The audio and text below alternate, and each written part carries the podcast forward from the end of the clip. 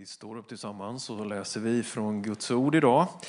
Kraft och kyrka heter rubriken på de här evangelietexterna vi predikar den här hösten och idag från Johannes evangeliet sjunde kapitel, verserna 37 till 39. Och händelsen som utspelar sig, som vi kommer läsa om, det är på lövhyddohögtidens avslutning. Det har varit en tid när man under sju dagar har gått som präster i Jerusalem med en slags guldkar eller kärl och burit vatten från Siloadammen upp till tempelområdet.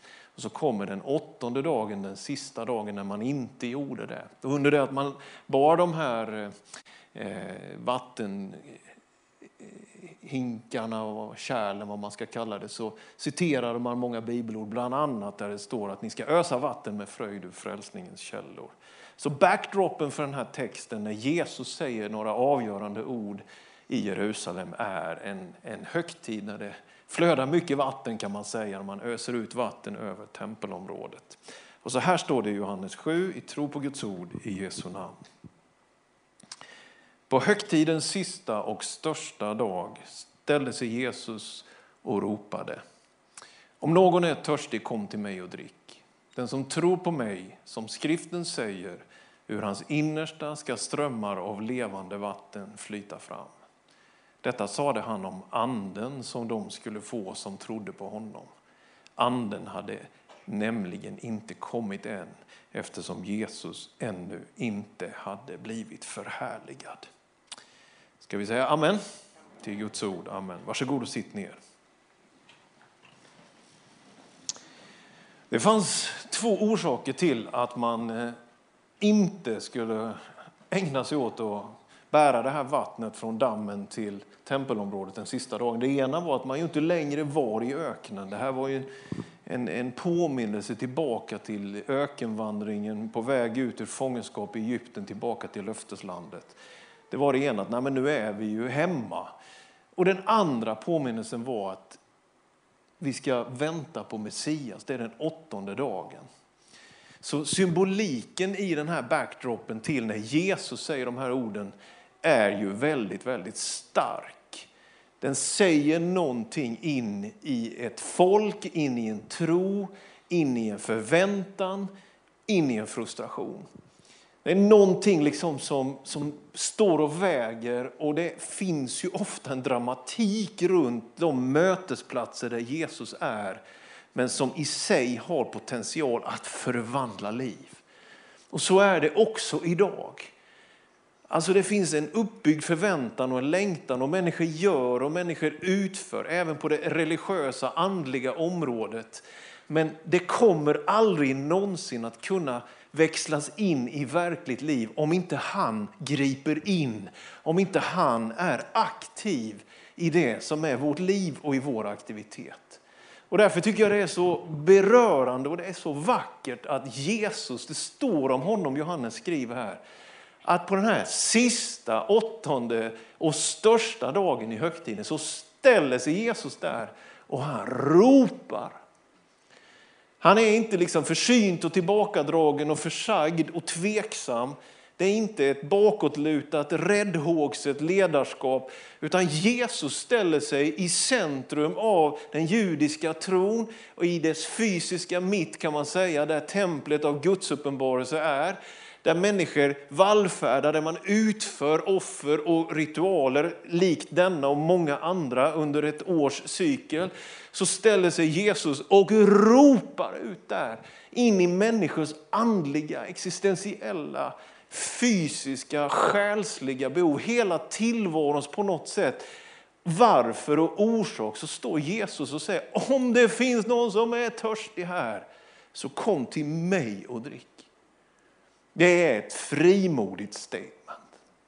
Det är någonting som ritar om kartan, nollställer räkneverken, placerar en slags verklighet och frågar alla de här hur, varför, vad, när och på vilket sätt byts om egentligen till en enda stor vem-fråga, vem Jesus är och vad han har förmåga att göra. Detta att Jesus fyller med helig ande, som det här ämnar till och syftar till i den här texten. Det är inte bara en erfarenhet, en, en lycka och en glädje för mig att jag får möta Gud eller du, att du och jag får möta Gud. Utan det sätter oss in i Guds stora handlande med hela tillvaron. I skapelseberättelsen står det att Guds ande svävade över vattnet.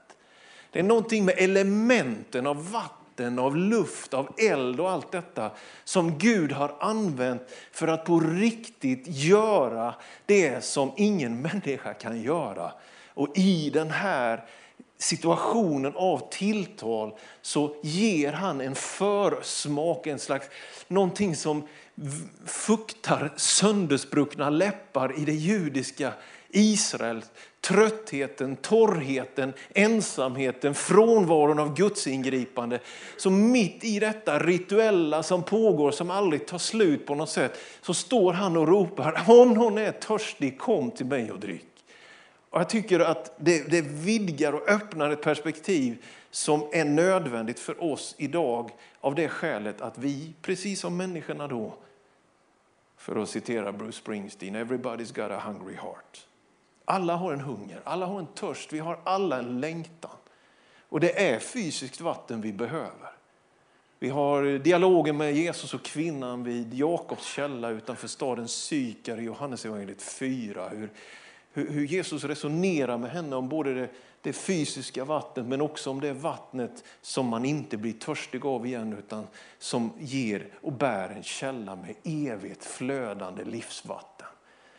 Det är någonting av att längta, törsta och hungra som vi ju gör och som är helt okej. Okay. Det är klart vi måste få dricka vatten fysiskt.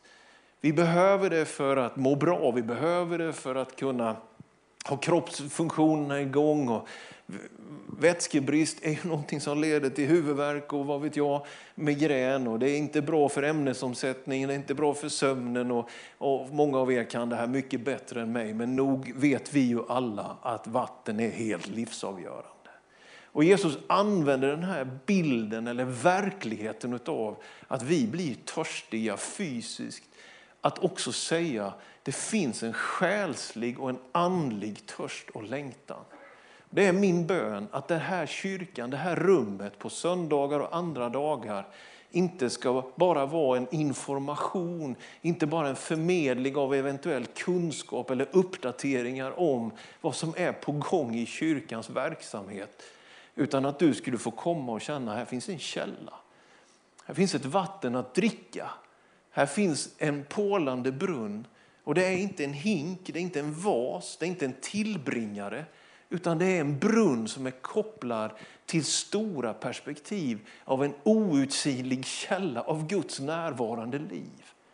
Den som tror på mig, hur hans innersta ska flyta strömmar av levande vatten som skriften säger. Och detta sa Jesus om anden.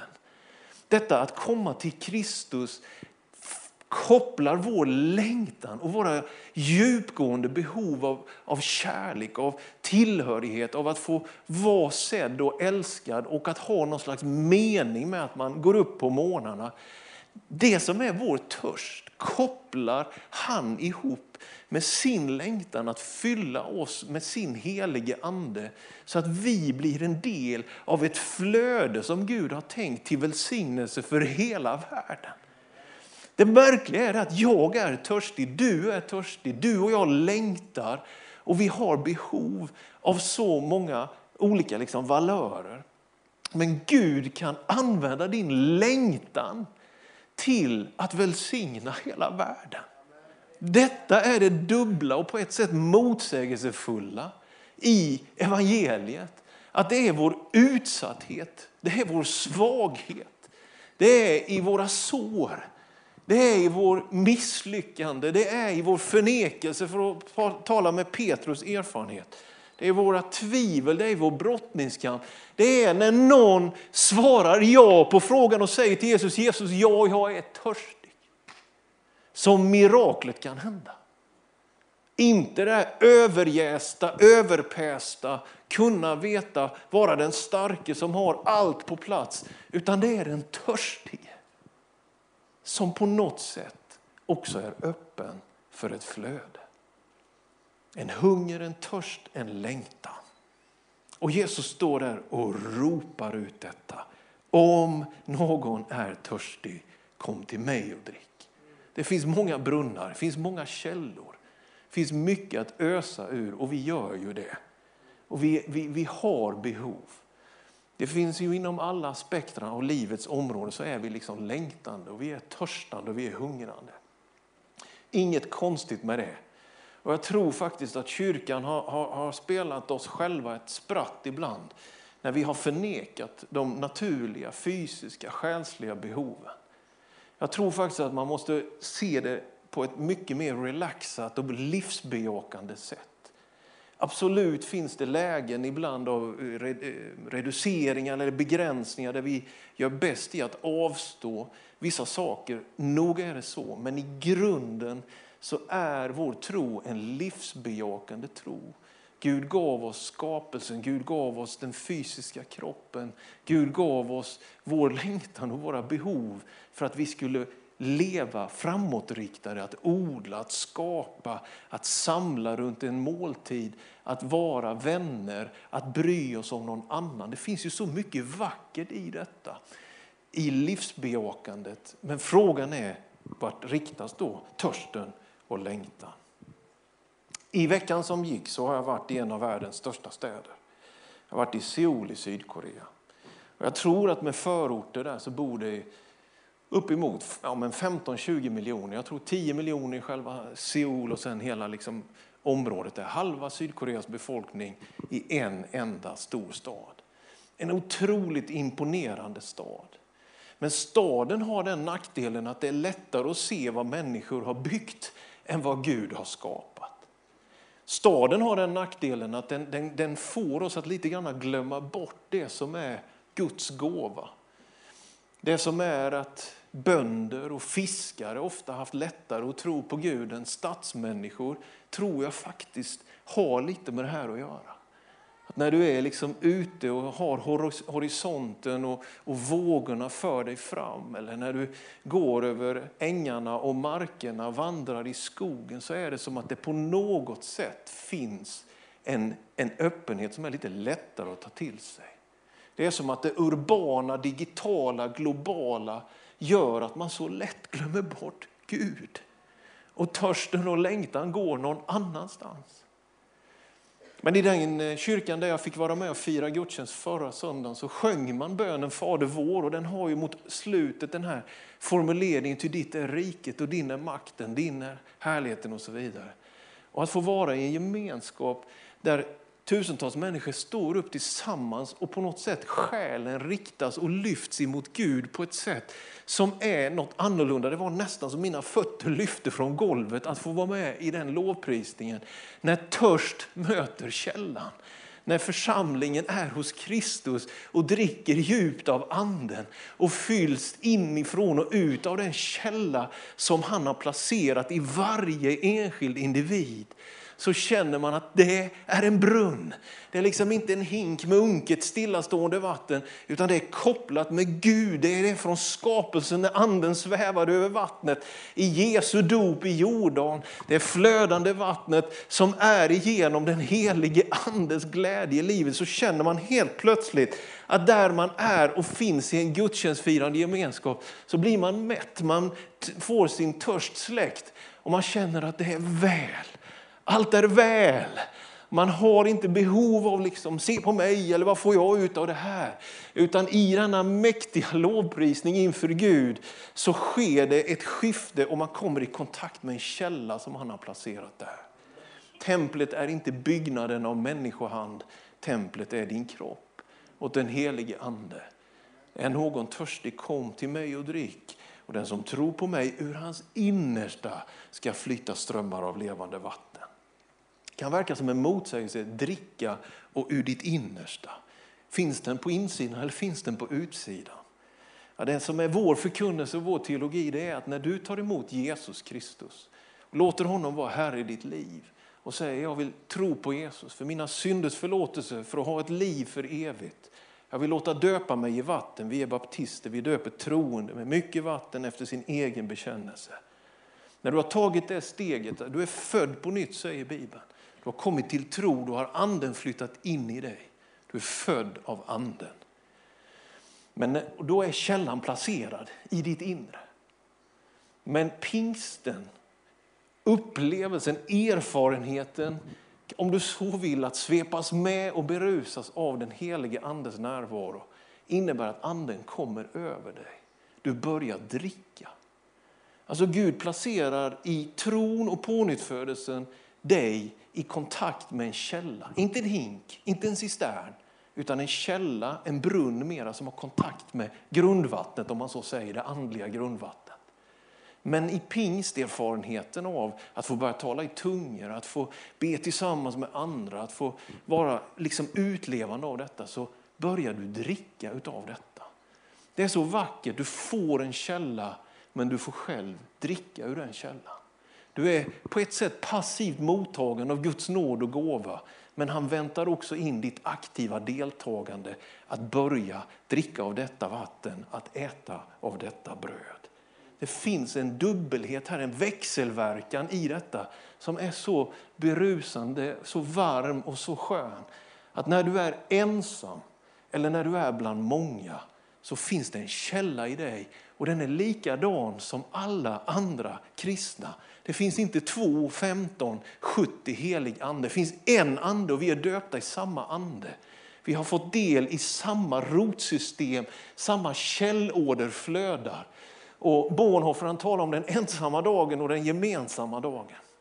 När du lever ensam, när du sitter bakom ratten i din bil, när du vandrar på gatorna i staden, när du, var du än är i ditt liv, när du ligger ensam och inte kan somna om natten, så har han placerat en källa på insidan i dig. Och du kan dricka ur det vattnet. Han ska trösta dig och han ska hjälpa dig. Och han ska återförnya dig, han ska ge dig glädje. Och när vi kommer samman och dricker ur samma brunn så flödar detta fram och det blir kanske lite mer märkbart när vi är många tillsammans. Men det är en Guds källa placerad i dig. Det är inte din perfektion utan det är din törst. Det är inte det som handlar om att vara färdig och kunna och veta. Och nu har jag minsann i sju dagar gått och burit på de här vattenhinkarna här och gjort min religiösa plikt i Jerusalem. Utan det Jesus säger, om det finns någon törst bland er präster, om det finns någon längtan bland er här i Jerusalem, så kom till mig och drick. Utanför staden fanns brunnarna i den bibliska tiden. Detta hade mycket med att göra att man kunde där vattna djuren såklart. I staden så ser vi vad människor har byggt. Och när vi kommer ut på horisonterna lite och, och, och ser något annat så blir vi påminda om vad Gud har skapat. Det är inte artificiellt det vi pratar om, det är inte produktion, det är inte robotiserad religion, utan det är ett flöde av liv som han har placerat i dig. Och detta är det verkliga trons liv, att få leva. En gång som när det här lyftes fram och, och när Jesus talar om detta så, så kan man påminna sig om att han talar också om att, ja men som skriften säger, det finns en berättelse genom hela den bibliska liksom, historien som syftar till detta av att han kommer att ge helig ande. I Gamla testamentet skulle man kunna säga att anden är på besök. Ungefär som när Noa skickar ut de här fåglarna och, och för att kolla om vattnet har sjunkit undan och så kommer den tillbaka. Men sen när den har sjunkit undan tillräckligt så kommer den inte tillbaka. Och Det är som en bild egentligen på vad som har skett i Nya Testamentet med pingsten. Att anden är inte på besök vid vissa tillfällen, inte en, en hink eller en bägare för det behovet just då. Utan nu är anden utgjuten. Och anden är Gud. Anden är tredje person i gudomen och anden är den källan i dig. Detta är, detta är Bibelns berättelse om hur Guds ande svävar över vatten. Men den bräcklighet som kommer i vår synd och i vår skuld leder till att när Jesus har gett sitt liv på korset så etableras en ny grund, ett fundament för att den här källan på nytt igen ska kunna placeras i mänskligheten. Och han valde din kropp för detta. Du är ett tempel åt den helige Ande. Gudomlig närvaro bor i dig. Och det gör inte det på grund av den perfekta, syndfria tanken, kroppen. Utan det är din längtan. Det är din törst. Så om du törstar, om du längtar, i det öppnas det här spektrat utav att få bli fylld av Gud. I Första Moseboks 18 kapitel så, så, ta, så talas det om igengrävda brunnar. Abraham har grävt upp i löfteslandet brunnar som filisterna hade öst igen. För där det inte finns brunnar och vatten, där kommer ju torkan och där kommer ju fattigdomen och hungern och, och nöden på allt sätt. Så Isaks tjänare gräver upp de här brunnarna. Och de, de får olika namn och de, de liksom betyder lite olika saker. En av brunnarna heter Rehobot. Och Rehobot det betyder generositet. Och det är som att när man får kontakt med en källa som man vet mycket väl att det här har jag fått som en gåva.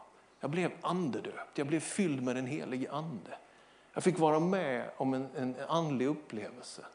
Så, så är det någonting så vackert i detta att dina egna privata personliga behov ändå sätter dig i förbindelse med att Gud vill att den hela torrspruckna världen ska få dricka av hans vatten. Det är vår egen längtan som också gestaltar världens nöd och längtan. Och när han ger helig ande över oss så sker någonting om en förvandling där blir vända till behoven i samhället. Det är fler som är törstiga än vad jag är. Det är fler som har hunger än att vi är hungriga. Därför driver detta den här kristna missionstanken. Det är vårt eget behov som driver missionen. Detta är det märkliga. Va? När, när de tidiga apostlarna är ute och predikar så är de inte ute och predikar sin perfektion. De predikar inte för att bli älskade utan de predikar för att de är älskade. Och därför tror inte jag att vi kommer att lösa den här frustrationen eller den här tystnaden vi många gånger har, att vi faktiskt inte är så frimodiga som kristna i Sverige idag. Jag tror inte vi kommer lösa den med att vi på något sätt pumpar upp oss, utan jag tror att vi kan längta upp oss. Jag tror att vi kan öppna upp oss. Jag tror att vi kan göra oss mer i det gestaltandet som innebär att vi faktiskt, våra egna behov blir som en resonans till hur stora behov som det finns också i världen. Under den här veckan i Sydkorea fick jag träffa många människor. Träffade jag en pastor ifrån eh, ett asiatiskt land och, och, och, och så, så, hamnade vi vid en lunch och så satt vi och pratade, jag och den här pastorn. Det är ganska intressant när man möter människor som leder stora verksamheter och har mycket inflytande och ganska många framgångar att peka på. Men det är som att vissa människor de, som har varit med om ganska mycket sånt där, när de har kommit över någon slags hack i detta så är det helt ointressant att prata om sina framgångar. Det är liksom inte det som, som hjälper. Man vill, man vill inte sitta där och skryta liksom för någon annan. Och det var väldigt uppenbart i flera av de här mötena, jag var väldigt uppmuntrad av det, att det faktiskt finns ett ledarskap inom den globala pingströrelsen som faktiskt inte är sugna på konkurrens eller att bräcka varandra. Utan helt plötsligt så sitter man där med en pastor från Singapore, jag hade aldrig träffat honom innan. Och det enda han var intresserad av att berätta och prata om det var sina misslyckanden som pastor. Det var det som hade gått snett i byggprojekt och allt vad det nu var. Och det var ju format och pengar som man kan få hicka för mindre. Jag tycker det var så fascinerande om man sitter där och så märker man detta. Att det är i längtan, det är i det bräckliga, det är i behoven. Där öppnas också någonting av igenkännande. Så kommer Guds ande och så känner man, så säger han en mening och jag ska inte citera den för jag, jag tog den till mig som person bara. Men mitt i ett vanligt lunchsamtal så säger den här pastorn när han berättar om sina egna tillkortakommanden en mening som bara jag kände, anden säger till mig när jag sitter där, Daniel lyssna på det, detta är till dig. Så när han öppnar upp för och berättar om sina brister och sina behov så använder Gud honom för att betjäna mig i mina brister och mina behov. Det kallas församling. En gemenskap som inte ska bräcka varandra utan som gråter med varandra och gläds med varandra. Det är någonting så vackert och fantastiskt att andens liv och flöde det, det mjukgör, det öppnar Vi förenas inte i vårt skryt utan vi förenas i vår längtan och i vårt behov. I vår utsatthet, i vår ensamhet, i våra tvivel, i våra frestelser och i våra synder. 363 i Laodicea så hölls det en synod eller sånt här kyrkomöte. Och, och, den tidiga kyrkan hade ju ofta mycket villolära och det drog åt höger och vänster. Och i Laodicea sa man så här, 363. Det är inte rätt för kristna att överge Guds församling och hänge sig åt ängladyrkan. Det här låter kanske helt off topic nu. Men i Kolosserbrevets andra kapitel så skriver Paulus om det här. Låt er inte fråndöma segerkransen av någon som ger sig hän åt ödmjukhet i citationstecken och går upp i syner av änglars tillbedjan och som utan orsak är uppblåst i sitt kötsliga sinne och inte håller sig till honom som är huvudet. Han som är, som stått innan av, han som är verkligheten. Det finns så mycket skuggor, men Kristus är verkligheten.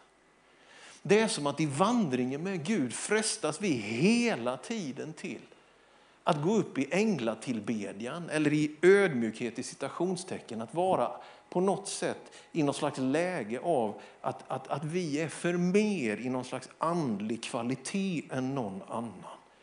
Och till och med på ett kyrkomöte känner man ett behov av att markera att när det blir en överandlighet, en hybridkristendom, så kommer det att leda till att man föraktar sina trossyskon och man överger församlingsgemenskapen.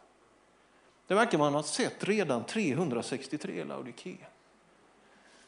Och därför så tänker jag att om vi skulle odla en miljö bland ledare eller bland medlemmar, vi tillsammans som är församling, om vi odlar en miljö av en osund andlighet där vi jagar kickar och där vi tror att källan alltid är placerad någon annanstans än i vår församling eller i vår egen kropp. Där vi alltid är missnöjda och frustrerade och sprider om att det är dåligt och illa ställt. Vi måste alltid åka på någon konferens, vi måste alltid åka någon annanstans. Så finns det en stor risk att du är allt annat än verkligt ödmjuk. Du är andligt uppblåst och du är förvirrad.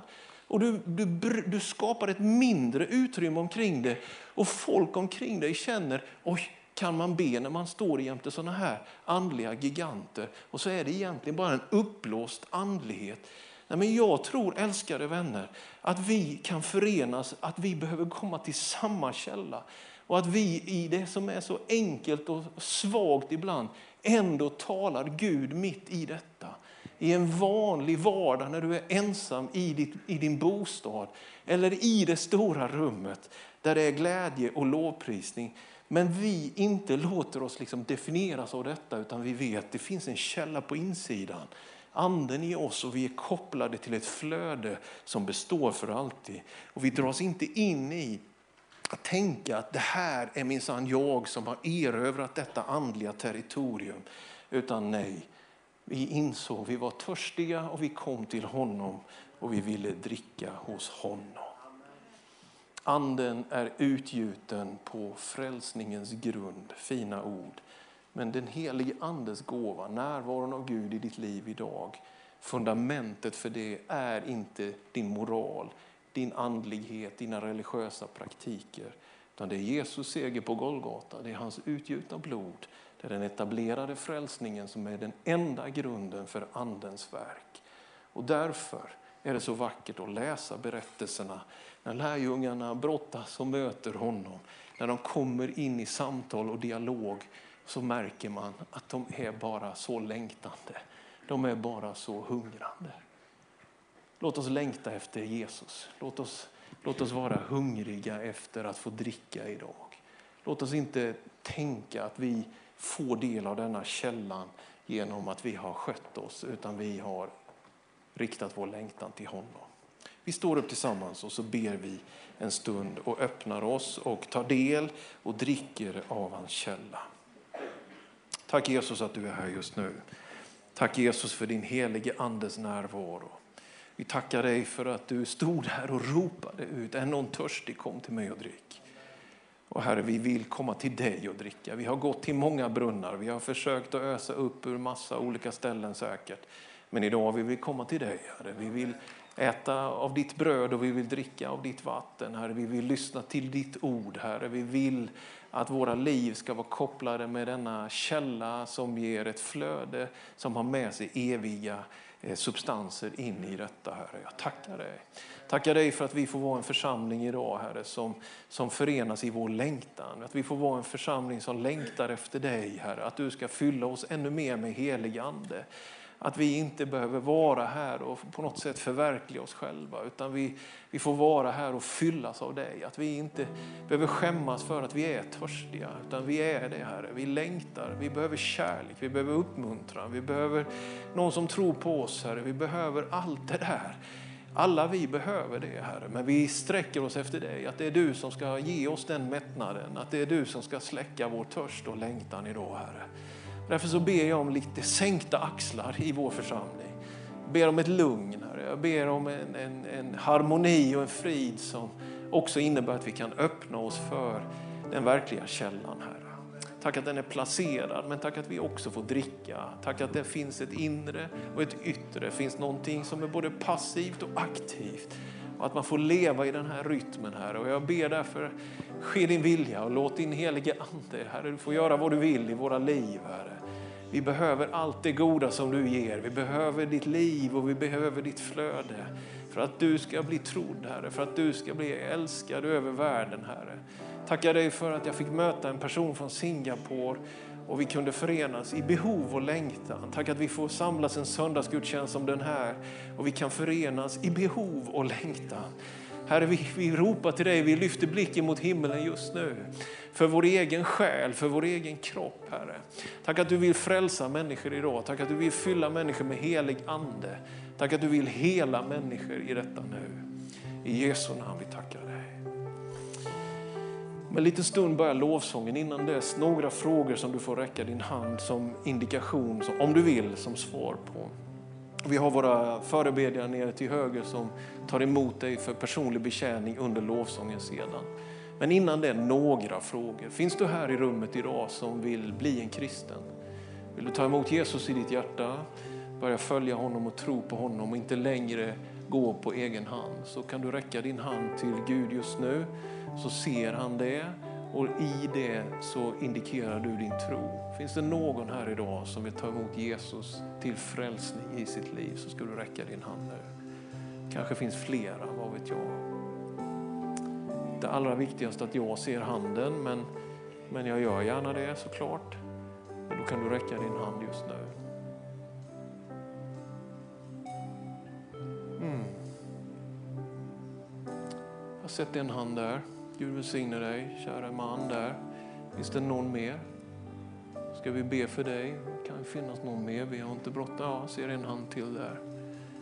Jag har sett två personer som har tydligt räckt sina tre, en på läktaren också. Där.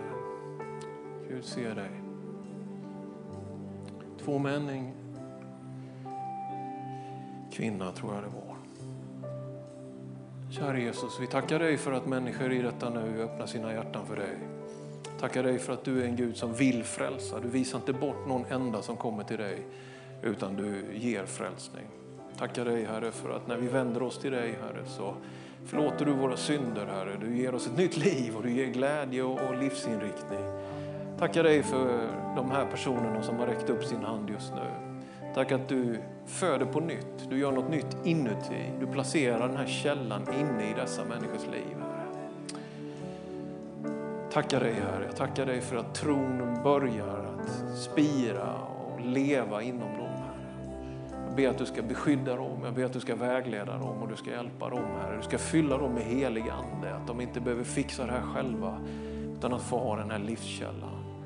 Tack att du känner de här tre personerna, du älskar dem, du vill det bästa i deras liv. Något bra Herre, för hela evigheten för dem. Vi tackar dig för det Herre. Tackar dig för att törst möter källa här idag Herre. Jesus vi prisar dig. Jag kan bara uppmuntra dig som har räckt din hand och ta kontakt med mig, någon av pastorerna här eller vårt välkomstcenter. Om du vill, det gör du själv i din takt. Du får ha din process, men vi vill gärna prata mer med dig. Den andra frågan som jag ställer det är väl om törst och längtan. Finns det någon längtan i rummet så att säga? Och jag vet inte, räcka upp sin hand, men, men det, du får jättegärna göra det och det gör du inte till mig. Om du bara på något sätt ändå vill indikera där du står just nu att jag vill komma till Kristus idag. Vi försöker och vi är på många håll och kanter. Det är jag också. Alla vill vi ha det bättre på alla möjliga sätt. Så glömmer vi Kristus. Men just nu riktar vi vår längtan till honom. Räck din hand du som vill att han ska fylla dig med helig ande idag. Så ber vi för dig. Det är många händer som räcks upp här just nu. Törst och längtan. Kanske är det så illa ställt i din själ att du inte längre känner av längtan. Att du är som en zombie. Du kan inte öppna dig längre, du kan aldrig bli berörd. Du, du är distraherad hela tiden. Det bara flackar i blicken. Det kan vara så illa ställt med oss. Det har varit så illa ställt med mig periodvis. Att jag inte riktigt kan öppna mig faktiskt. Och då vill jag be för dig också. Att, att du ska kunna ta det steget, att kunna på något sätt öppna dig. Jesus, tack att du är här just nu för att möta längtan, Herre. Tack att vi får komma hungriga och törstiga, sargade och illa däran eller glada uppåt, Herre. Så kommer vi till dig, Herre, med längtan efter att du ska fylla våra behov, Herre. Tack Jesus för alla dessa uppräckta händer som finns i detta rum just nu. Tack att det går ut liksom nåd ifrån himmelen, att det går ut liv. Att vi får dricka av livets källa, att vi får dricka av de flöden som inte har en besk, bitter bismak och eftersmak, utan som ger liv och som ger passion och som ger energi och glädje och som fyller blicken med förväntan och hjärtat med förundran och en generositet och en barmhärtighet och en tålmodighet med både sig själv och med varandra. Tack att vi får vara Eh, tålmodiga med oss själva här, inte döma oss själva för hårt utan på något sätt bara inse att vi har ibland druckit i fel brunnar och längtat fel. Men idag kommer vi till dig Herre. Tack att du fyller med helig ande, dela ut andliga nådegåvor, låt frukter växa Herre. Låt passion tändas, att alla de här vattnen får bryta fram som, som strömmar i ödemarken. Får vattna ett torrt land Herre. Och samtidigt i det också bara känna av behoven i tiden, utsattheten i samhället, ensamheten och isoleringen, frustrationen, ohälsan. Herre, vi på något sätt bara anar att vår egen längtan också är världens längtan. Våra egna behov är också världens behov. Så vi, vi ber för Västerås idag, Herre. Vi ber för Västmanland. Vi ber om en öppen himmel, Herre. Vi ber att du skulle låta det regna över oss, Herre. Att du skulle låta ditt vatten liksom bara flöda, Herre. Att det skulle kunna komma en grönska igen. Att människor skulle kunna få andas fritt och röra sig i din trädgård och få gå där bland växterna och få ösa upp ur dina källsprång, Herre. Jesus, jag tackar dig. Jag tackar dig för helig ande över oss.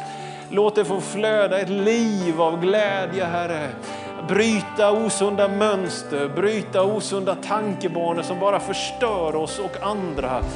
Herre, jag ber om det, Herre, om ett lugn, Herre. Jag ber att du ska bota både missmod och högmod, falsk ödmjukhet och osund religiositet, Herre. Att vi inte går upp i änglars dyrkan och tror oss själva, utan vi kommer bara med vår längtan, Herre, men att du fyller med allt det som du har för oss, Herre. Tack för ett genombrott liksom av att fördämningarna brister och flödet liksom som ingen kan stoppa, som ingen kan begränsa, utan att det får flöda och leva i våra liv, Herre. Vi prisar dig och vi tackar dig för vad du gör en söndag som den här, Herre. Låter bara vattnet stiga, låter det få flöda fram, Herre. Vi behöver det. Tack för din gåva, Gud. I Jesu namn. Amen. Låt oss lovsjunga, ta emot förbön. Du som vill det hos våra förebedjare.